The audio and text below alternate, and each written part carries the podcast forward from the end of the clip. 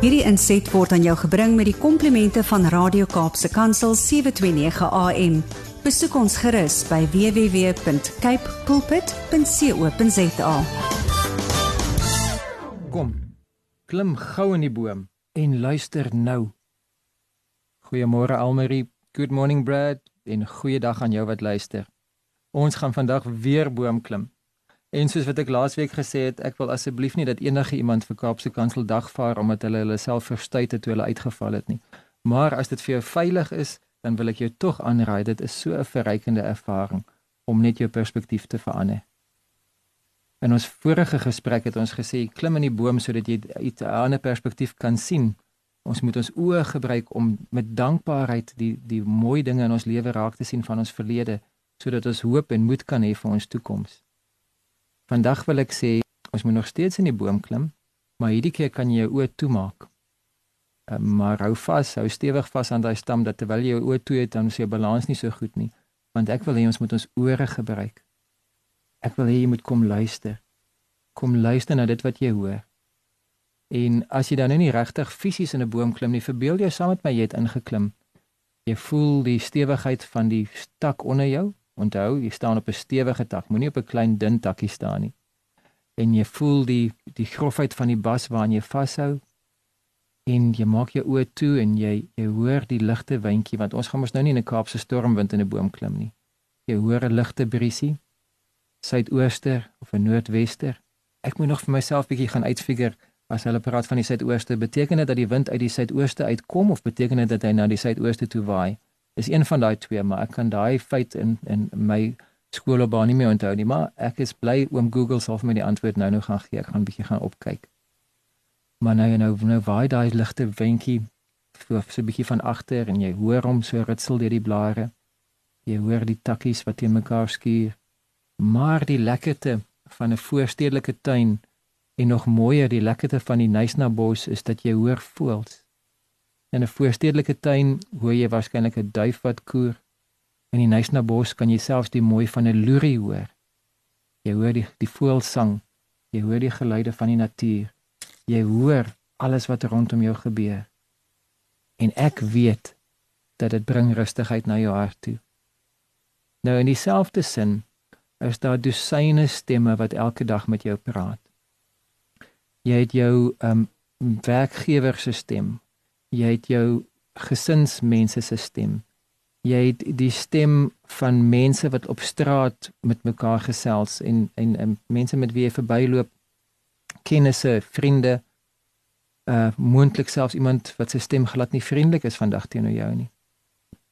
En dan as gevolg van tegnologie het ons dan nou nog die moontlikheid van dosyne, nee, nog honderde ander stemme want daardie FM draadloos het 'n klomp radiostasies. En dan die AM draadloos waarop jy nou luister waarskynlik tensy jy nou op die podcast luister, het dan ook nog meer stemme. Onder andere natuurlik die die voorreg van die die feit dat ons kan luister na Radio Kaapse Kansel op AM. Maar tussen al daardie stemme uh word word mens baie keer toegegooi deur so baie stemme dat jy nie meer weet watter kant toe om te luister nie. En vandag wil ek vir jou sê dat die Here het 'n antwoord. Hy het vir ons raad. Kom ons hoor wat sê die Here in Jesaja 55 vers 3. Jesaja hoofstuk 55 vers 3 sê die Here vir Jesaja en Jesaja praat dan met die volk en hy sê maak julle ore oop en kom na my toe. Luister sodat julle kan leef. Jesaja praat namens die Here en hy, die Here sê dan ek wil met julle 'n ewige verbond sluit getrou aan die bestendige liefde van Dawid. Kom ek lees dit weer vir ons. Jesaja 55 vers 3. Die Here sê vir ons elkeen, nie net vir die volk van ouds nie, maar vir ons, vir elkeen, vir elke gelowige. Hy sê dit vandag vir jou. Ja, jy wat nou my stem hoor, hy sê dit vir jou. Hy sê: Maak jou ore oop en kom na my toe. Luister sodat jy kan leef. Ek wil met jou 'n ewige verbond sluit, getrou aan die bestendige liefde vir Dawid. Die Here wil hê ons moet ons ore oopmaak. Fisiese ore, maar ook ons gees se ore. Jou geesmens het ook sintuie. En die Here het vir ons gemaak met die vermoë om sy stem te kan hoor. Hy het ons gemaak met die vermoë om te kan reageer op sy stem. Nou daar is individue in die Bybel en daar's individue in die kerkgeskiedenis en daar is ook nou nog individue wat sal sê ek het die Here se stem gehoor. Hy het met my gepraat en ek kan nooit weer dieselfde wees nie. Om die Here se hoorbare stem te hoor is 'n geweldige voorreg. En dikwels het ek al gewonder hoe sal dit wees om die Here se stem hoorbaar te hoor. Ek dink dit sal onmiskenbaar wees. Ek dink dit sal groots wees. Ek dink dit sal gesaghebend wees. Maar ek glo ook sy stem sal liefdevol en vriendelik wees. Gelyktydig asembenewend maar ook tog aantreklik. Gelyktydig awesome but attractive. Dat die Here se stem ook ietsie sags in dit ietsie wat mens nader roep. Wat jy laat besef ek kan nie hier staan nie maar ek wil ook nie weghardloop nie. Hier wil ek wees. En daar kom 'n dag wanneer ons van aangesig van tot aangesig voor die Here staan wat ons sy stem sal hoor vir die res van die ewigheid, vir altyd en altyd sal ons sy stem kan hoor. Wat 'n vooruitsig. Maar intussen hier op aarde moet ek nie so uh, myself in 'n knoop knoop om te dink ek moet die Here se so, so hoorbare stem hoor dat ek vergeet dat die Here se se, se geskrewe woord is is 'n is 'n aandenking, is 'n herinnering, is 'n vaslegging van sy gesproke woord wat hy van tevore gesê het en wat hy deur sy gees nou nog steeds vir my nou sê en hy praat met my deur sy woord.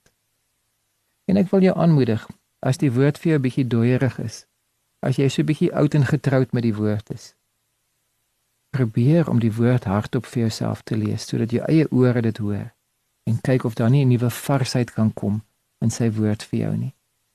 En dan, as ons bereid is om te luister, as ons bereid is om te gehoorsaam, dan hoor ons makliker. As jy nie wil luister nie, dan sal jy nie baie hoor nie.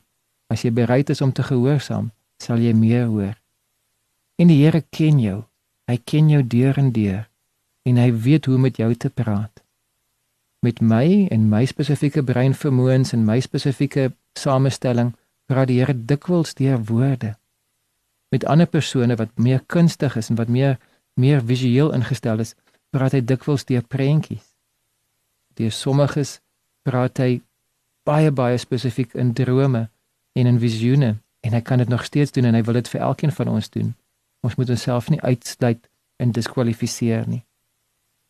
Hy praat verseker die prediking en mense as jy in 'n kerkgebou saam met ander gelowiges sit of as wanneer jy soos nou op die radio die verkondiging van die woord hoor, spits jou ore want Here praat met jou. Hy praat deur gelowiges, hy praat selfs deur ongelowiges. In die Ou Testament het hy selfs deur 'n donkie gepraat. Hy praat deur die natuur. Ons het sedert die 7de Februarie week vir week met mekaar gedeel hoe die Here deur sy ges, geskape natuur, spesifiek deur bome met ons kan praat en wat se wat se insigte ons kan kry deur die nie deur net na bome te kyk en dit van toepassing op ons lewe te maak. Die Here praat deur sy natuur. Maar die Here weet hoe om met jou te praat. Hy weet hoe om spesifiek jou situasie aan te spreek. En jy dink dalk jy hoor nie. Maar ek wil vir jou uitdaag en sê sê nou maar dit wat jy gehoor het is die Here. En sê nou maar ek sou daarop reageer. Wat sal die uitkoms wees? Dat jy vir jouself kan afvra, wat is die vrug hiervan?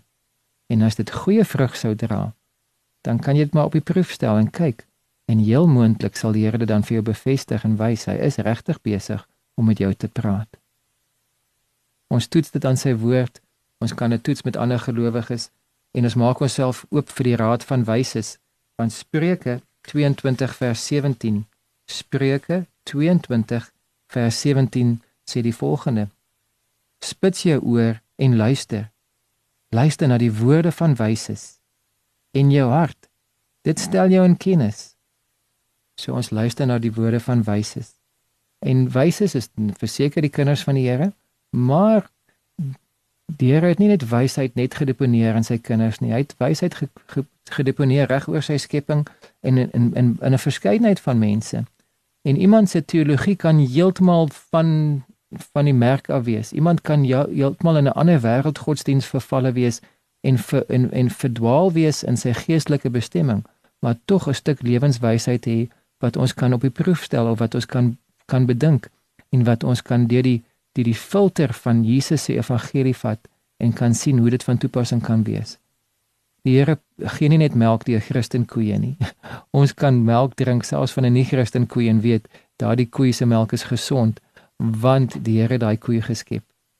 Nou ja, vir die wat suiwel intolerant is, moenie te veel melk drink nie. Dit is natuurlik net by wyse van Spreuke. Spreuke 22:17 Spits jou oor en luister. Luister na die woorde van wyses. Ek wil hê ons moet ons ore oopmaak met verwagting en luister na selfs dit wat jy op sekulêre radio hoor, selfs dit wat jy hoor net in gesprekke tussen ongelowiges en vir die Here vra, Here, wat sê U hiervan? Om saam met die Here te luister en dan sy perspektief te kry. Ek kan selfs na die blaatante, haatvolle propaganda van 'n man soos Adolf Hitler luister en die die haat wat hy uitspoeg teenoor die Joodse volk wat onteenseglik nie God se wil is nie, wat onteenseglik nie God se se plan is nie. Daardie man het nie 'n greintjie waarheid gepraat nie. Hy het leuns verkondig. Maar ek kan ek sou daarna kon luister terwyl ek die Here langs my het en ek kan sê Here, wat is u perspektief? En dan kan die Here vir my sê hy is lief selfs vir daardie verlore man Adolf Hitler. Adolf Hitler het nooit sy knie gebuig nie, hy het nooit sy hart uh, oorgegee aan die Here nie. Hy is verlore maar hy was nie buitekant die Here se liefde gewees nie. Hy het net nie die vergifnis vir homself toegeëien nie. Hy het net nie besluit om in te kom nie. Maar die Here se hart was oop en sag teenoor die man, nie teenoor dit wat hy gedoen het nie. Daardie genocide, die die volksmoord was nie reg gewees nie.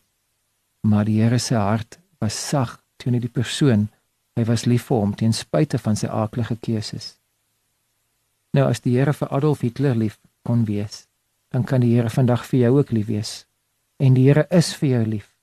En ek wil hê dat as ons luister na die Here dat ons ook sy woorde van liefde vir ons hoor. Dat ons hoor wat hy vir ons sê.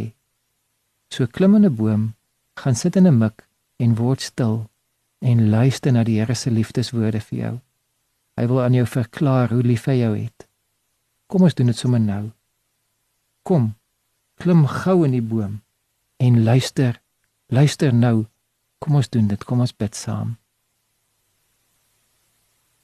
Vader, hier sit ek voor U. Onseker oor wat U vir my sê, onseker oor presies watter opdragte U vir my het. Ek is nie die 100% seker van instruksies en van opdragte en van die volgende stappe wat ek moet neem nie. Maar ek is wel seker daarvan dat U lief is vir my. Jesus loves me. This I know for the Bible tells me so. Maar dis nie net u woord, u geskrewe woord wat dit vir my sê nie. Dis ook u gees wat dit nou ekho in my gees en wat dit beamoen wat vir my sê, Rudy, ek is lief vir jou. Ek wil hê jy moet jou naam invul en besef dat jy is net so 'n teken vir die Here se liefde soos wat enigiemand anders is. Die Here was natuurlik besonder lief vir Paulus vir Johannes vir vir Petrus. Natuurlik was hy besonder lief geweest soos vir 'n man soos Billy Graham wat duisende mense na hom toe gelei het. Maar hulle is nie 'n ander klas, hulle is nie 'n ander kategorie as Dwayne of Gert of Koos of Jan of San of Sarkie nie. Die Here is lief vir jou. Hy is lief vir jou. Of jou naam Omikazi of Nosipelo Melody of Rudolf of wat ook al jou naam is. Die Here is lief vir jou.